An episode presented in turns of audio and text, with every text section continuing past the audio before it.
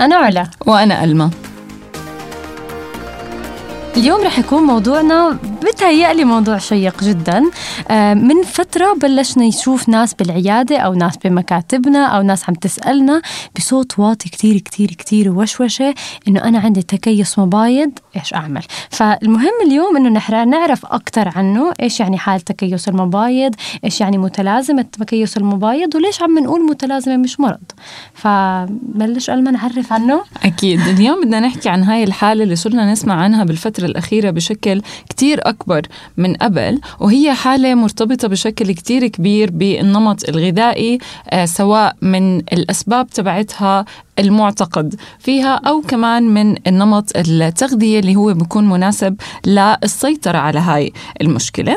ففعليا خلينا نبلش بركي نحكي ليه بنسميها إحنا آه، متلازمة تكيس المبايض وليس مرض. هي فعليا أي إشي بنسميه متلازمة معناها إحنا مش كتير فاهمين تماما إيش السبب تبع هاي المشكلة الصحية ولا في عنا تشخيص واضح بمعنى ما بنقدر نروح على المختبر ونعمل فحص ويقولنا هذا الفحص بإنه آه والله النتيجة تبعتك بإنك عندك هاي المشكلة الصحية. وكمان التدخل خليني أحكي الطبي أو التغذوي تبعها مش 100% واضح لحد هلأ. فللأسف أمورها شوي مكركبة بس اليوم رح نحكي عن الأشياء اللي واضحة بالنسبة لهي الحالة. أكيد رح نحاول نحكي أكثر على آه، شو ممكن تكون تبعات المرض كيف ممكن نتعامل معه مين له دور عن جد يتدخل ويساعد الأشخاص اللي مصابين بهاي متلازمه بس خلينا نبلش نقول إنه اولا النسب بشكل عام أو الإحصائيات عم بتزيد سنة عن سنة. يعني إذا بنقارن بين 1990 لليوم إحنا عم نحكي على زيادة تقريبا 36% وطبعا بيختلف هذا الحكي من دولة لتانية بمجموعات لتانية. بس الأكيد إنه مش بسبب زيادة إصابة الناس هو كمان بيأثر إنه صرنا نعرف نشخص بطريقة أفضل الإصابات. وبتخيل كمان نمط الحياة تغير مش هيك؟ أكيد. في كتير أسباب يعني عم بيجربوا يدرسوها هلأ لحتى يحددوا بأنه ليش هاي الحالات صارت عم بتزيد. بس خلينا بركي هيك نعرفه بشكل بسيط لحتى نقدر نفصل الموضوع أكتر.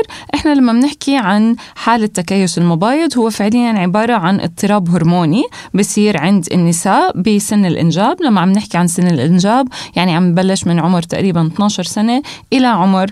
يعني 45 إلى 50 سنة تقريبا. ببلش تبين الأعراض تبعته بشكل أكبر عند سن البلوغ. يعني ببلش بالأعمار اللي أصغر خليني أحكي. وعادة هاي الفترة اللي بيتم التشخيص فيها بشكل واضح. وبيكون طبعا تابع له مجموعة من الأعراض اللي هلأ رح نحكي عنها أكتر.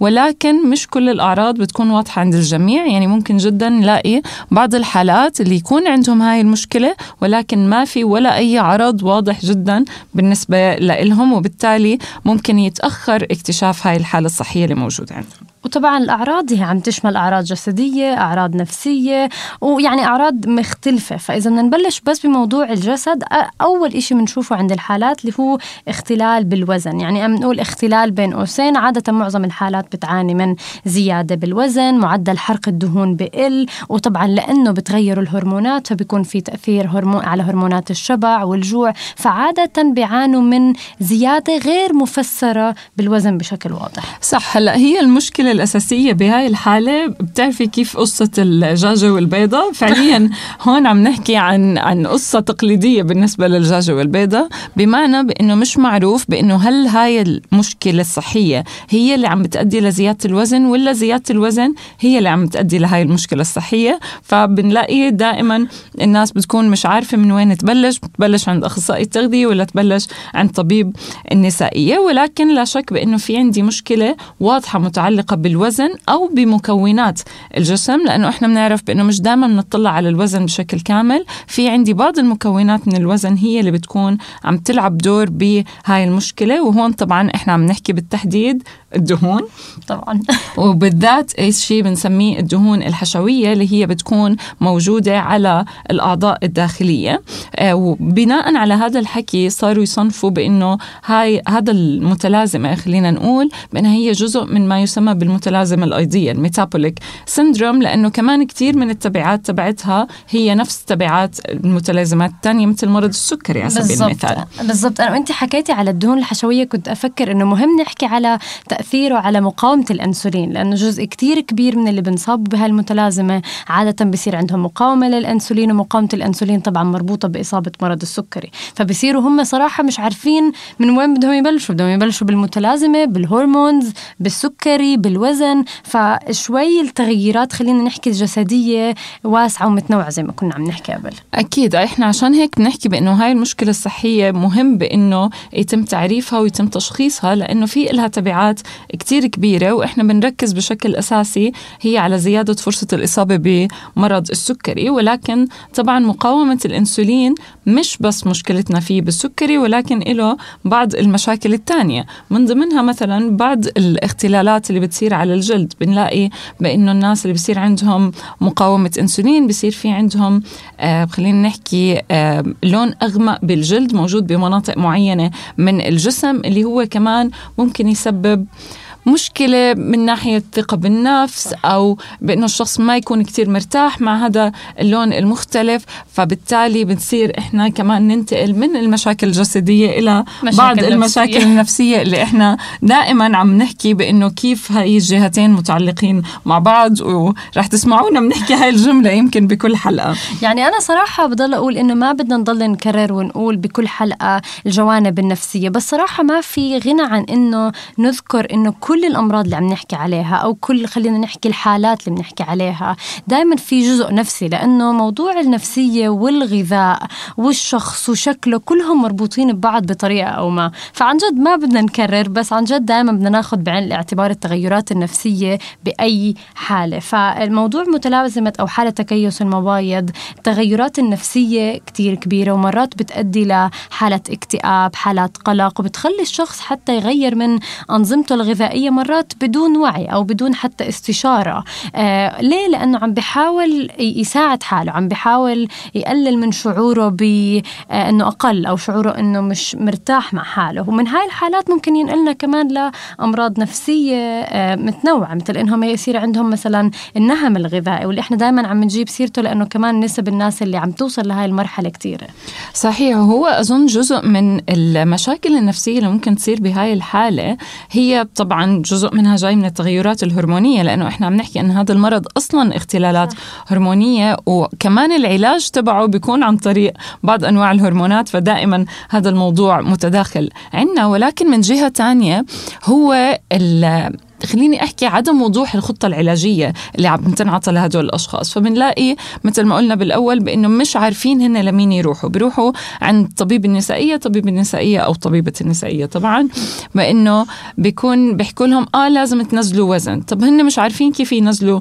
وزن؟ بيروح عند أخصائي التغذية بقول لهم آه بس أنتم لازم آه تكون عم بتسيطروا على هاي الحالة عن طريق الأدوية لحتى نساعدكم تنزلوا وزن. الشخص بجرب إنه يعمل بعض الأشياء بنلاقي بإنه ما بيصير في استجابة مثل ما لازم لأنه مهم ننوه بإنه بحالات تكيس المبايض معدل الحرق الايضي بداخل الجسم بنزل بشكل كتير كبير. عم نحكي إحنا عن حوالي 30% وبالتالي حتى لو كانت الوحدة عم تاكل كميات أغذية أقل من الكميات اللي هي بتاكلها بالعادة أو عم بتجرب إنها تخفف خلينا نحكي من معدل السعرات اللي عم تاخذها ما رح تشوف النتائج بشكل كتير واضح. وبالتالي هذا كمان بيؤدي بيؤدي للشعور بانه أنا عم بفشل أنا مش عم بقدر أوصل لسيطرة على جسمي مش عارف كيف أتصرف. عشان هيك مهم دائما نحكي هاي خلينا نحكي التداخل بالعلاج بإنه ما يكون كل حدا عم بيشتغل لحال. يعني لازم يكون في تعاون ما بين الطبيب مع أخصائي التغذية مع مدرب الرياضة مع كمان ممكن معالج نفسي. كلياتهم بيشتغلوا لخدمة الشخص اللي عنده هاي المشكلة الصحية لحتى يساعدوه صح. يعني أنا كمان بس بدي أرجع لنقطة شوي لورا اللي هو أصلا الناس تستصعب أصلا توصل عند الطبيب وتراجعه لأنه ما بدنا ننسى إنه كمان في عنا وصمة اجتماعية لأنه هذا الحكي مربوط بإنه قدرة الأنثى إذا إذا عندها تكيس مبايض على الإنجاب ومشكلتها مع الوزن وطبعا إحنا صرنا كتير حاكين عن هذا الموضوع. فمرات حتى وصول الأنثى عند الطبيب أو عند أخصائية التغذية بيكون صعب. عشان هيك إحنا ما كنا عم نمزح إنه الحالات اللي عم تيجي عنا عن جد بيكونوا بوشوشوا. وهذا الإشي كتير بزعلنا لأنه هو زيه زي غيره من خلينا نحط بين قوسين كلمة مرض اللي, اللي ممكن الشخص ينصاب فيها. فمفروض صدقا إنه ما حد يتردد إنه يرجع للطبيب وزي ما كانت عم تحكي ألما إنه مهم يكون في تشاركية بين الطبيب والأخصائي.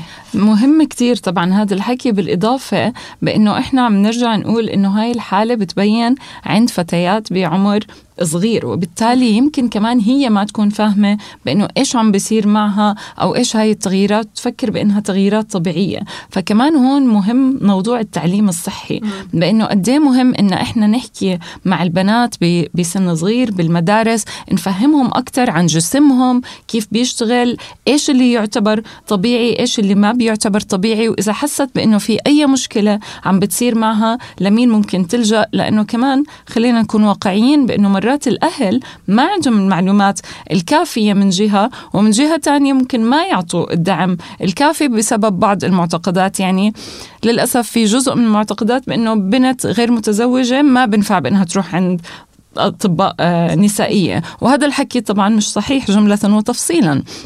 فإحنا مهم بأن نعمل هذا الوعي الصحي بشكل كافي وللأسف أعتقد بمعظم الدول العربية ما وصلنا لمكان نقدر نحكي بثقة بأن إحنا عندنا هذا الوعي الصحي وطبعا الأهم من كل هذا هو أنه الذكور كمان يكونوا جزء دعمين. من هذا الموضوع وأنا هذا الحكي دائما بحب أني أعمله بأي شيء عم نعمل فيه إرشاد أو توعية صحية بأنه إذا بيكون في شباب صغار أو رجال بأنه ما تحسوا أنه أنتم لكم علاقة بهذا الموضوع بأنها هاي مشكلة صحية بتصير عند النساء. بالنهاية هدول النساء هن والدتك هي أختك هي زوجتك هي بنتك. فمهم كتير بأنك أنت كمان تكون عارف إيش هي هاي المشكلة وكيف ممكن يتم التعامل معها بالذات بخصوص موضوع الإنجاب لأنه كمان هاي مثل ما حكيتي علا عم تعمل وصمة اجتماعية كتير كبيرة لدرجة بأنه ببعض الأحيان بيجوا ناس بيسألونا بأنه والله أنا بدي أتزوج وحدة بس حكت أنه عندها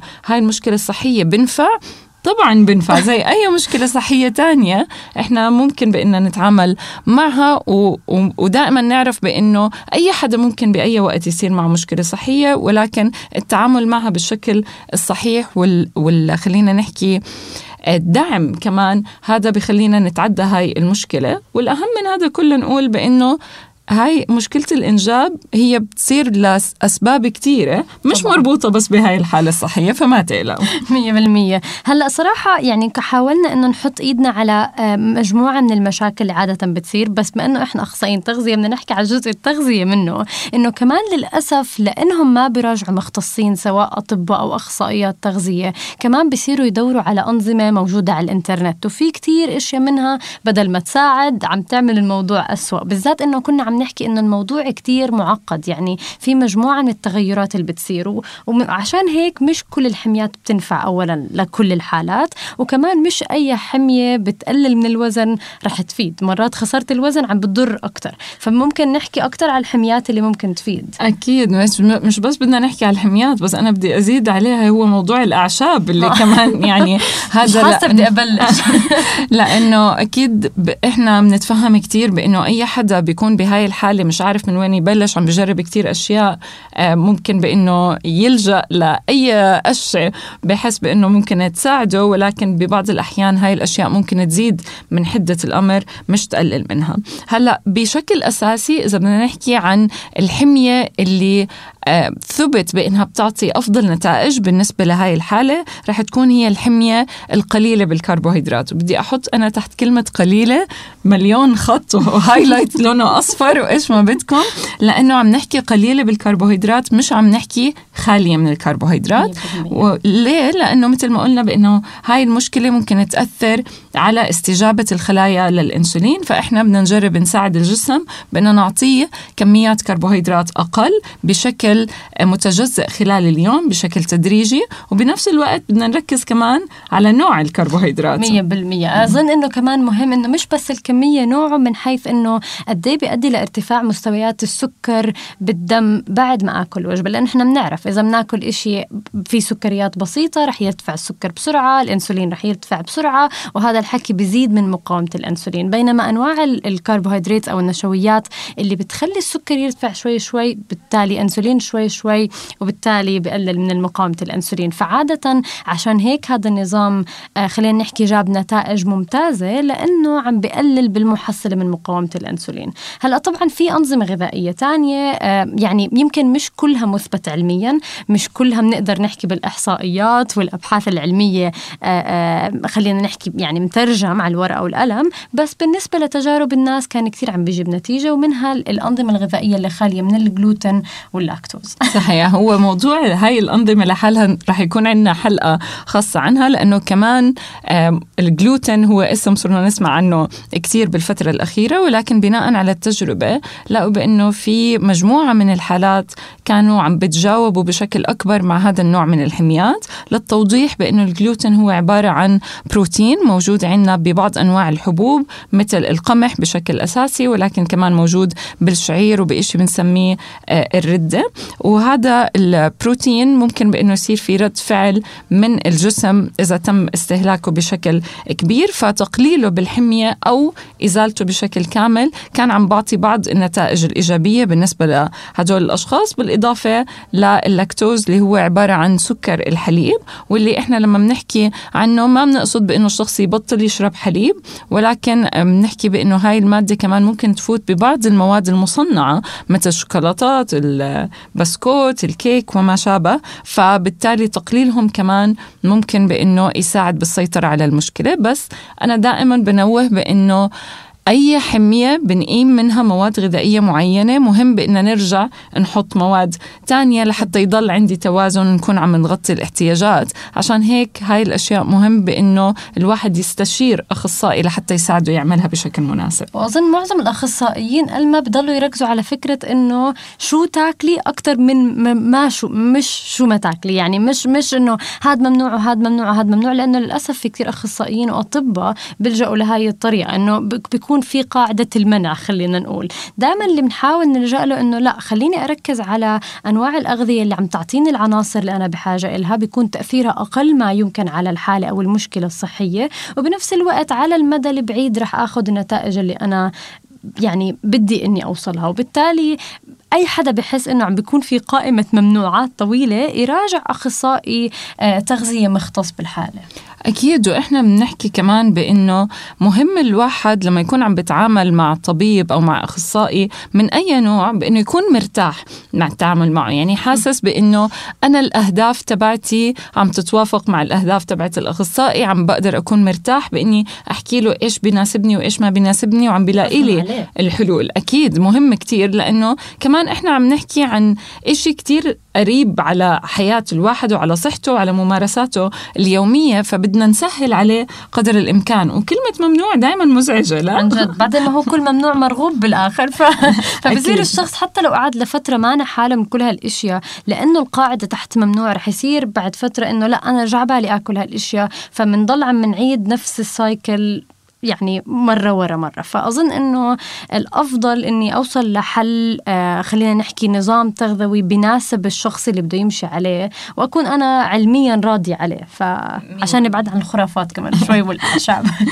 أكيد. هلأ إحنا ما بنقلل من دور الأعشاب. أكيد في علم الأعشاب هو علم كتير كبير وفي كتير أنواع من الأعشاب اللي لها دور وبتفوت أصلا ببعض المكملات الغذائية اللي بتساعدنا بحل كتير مشاكل. بس إحنا دائما بنوه بأنه إذا بده يتم استعمالها يتم استعمالها بشكل صحيح وتكون كمان من مصدر مناسب وما نروح إحنا نعتمد عليها بشكل كامل لأنه نتذكر بأنه كثير من الأدوية معمولة من الأعشاب بمعنى ممكن تعمل عندي تأثير عكسي فهذا الإشي مهم بأنه ينحط بعين الاعتبار. بس هذا رح يوصلنا لأن نحكي عن المكملات لا 100% إنه كمان صار في كتير دور لاستعمال المك... المكملات الغذائية بتخفيف خلينا نحكي أعراض حالة تكيس المبايض ومنها فيتامين D اوميجا 3 وايش كمان؟ في عنا ال myo-inositol هلأ هو بطل الساحة صار بأي شيء له علاقة بمقاومه الإنسولين رح نسمع كثير عن هذا المكمل بالفترة الجاي. طبعا فيتامين D ملك الساحة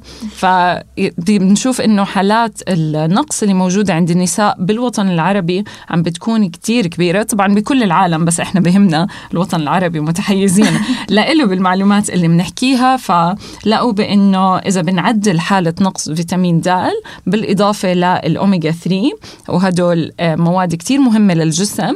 هون عم نحكي عن اخذهم كمكملات لأنه نسبتهم بتكون كتير قليلة بهاي الحالة الصحية فإحنا بدنا نرفعها. بصير تجاوب الجسم أحسن.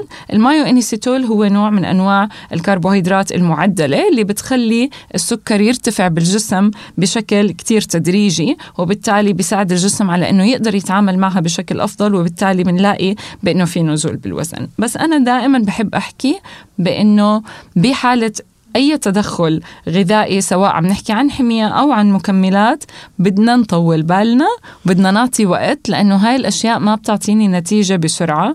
بدها على الأقل فترة شهرين إلى ثلاثة لحتى يبلش الواحد يشوف النتائج. فزي ما بقولوا الشغل النظيف بده وقت. صراحة يعني هلا هذا الموضوع مش بس بحالة تكيس المبايض أظن آه. لازم ناخذه قاعدة بكل إشي إنه عن جد النتائج البطيئة هي اللي فيها استدامة أكتر. يعني آه، في السرعة الندامة إيش بنقول إحنا؟ في العجلة آه الندامة آه. لا ممتازة بالأمثال أنت. هلأ أنا صراحة متحمسة إنك تحكي لنا عن موضوع الموسيقى لأني لما حكيتي لي صراحة كثير أنا كنت مستمتعة. فشو قصة الموسيقى؟ آه بالفترة الأخيرة صار كثير بيهمني موضوع تأثير الموسيقى على الحالات الصحية المختلفة فبلشت هيك أدور. بتعرفي أنا بالتدوير يعني بغوص فيه زي فيتامين دي ملكة. آه. ما بعرف إيش بنشوف هلأ بس اللي بدنا نقوله بإنه في صار دراسات كثيرة على تأثير الموسيقى على حالات صحية مختلفة من ضمنهم حالة تكيس المبايض. طبعا لما عم نحكي موسيقى إحنا عم نحكي عن ذبذبات صوت اللي هي مش شرط نكون أغاني. مرات بنقول لك ممكن ترانيم الكنيسة ممكن قرآن ممكن آه، بصوت بس تأثير يعني صوت زي إنه نضرب على إشي معين بدرجة صوت محددة. لأنها هاي بيكون لها تأثير على الجهاز العصبي بحفز أجزاء معينة معينه من الجهاز العصبي اللي هو بصير يبعث إشارات بشكل أفضل بالنسبة لأجزاء معينة من الجسم. مش رح نحكي كثير تفاصيل عنها هلأ ولكن لقوا بانه على المدى الطويل إذا الشخص بضل يسمع هاي هذا النمط من الموسيقى بين قوسين بكل يوم لفترة معينة. الفترة كانت مختلفة بالدراسات بس عم نحكي عن فترة لا تقل عن 15 دقيقة كان لها نتائج كتير إيجابية على الاستجابة للعلاج. بمعنى بأنه هي ما بيتم استعمالها لحالها ولكن مثل كأنها هي إشي داعم للتدخلات الصحية الثانية مثل الحمية ومثل الرياضة ومثل المكملات الغذائية. فيعني ممتع الحكي أنا حضروا البلاي ليست تبعتكم. يمكن الفترة الجاي نعطيكم موسيقى معينة علاج للأمراض. قد إيه ممتاز صراحة كثير حلو. عن جد أنا دائما بفكر قد إيه بتطور العلم وقد إيه بضل في اشياء جديده عن جد يستفيدوا الناس منها. يعني مين كان بفكر إنه ممكن الموسيقى تأثر على أمراض؟ عن جد رائع. بتعرفي علا عم بفكر هلأ بركي نحكي مع Spotify يكون sponsor لنا بهاي الحالة. فعن جد شكرا مع المعلومة. أنا كثير تحمست بس سمعتها وعن جد صار عندي فضول أعرف أكثر هلأ أظن ما بدنا نطول كمان عشان أكيد دائما في تفاصيل نحكي أكثر بس بهمنا نوصل رسالة رئيسية إنه كل حالة بتختلف عن غيرها.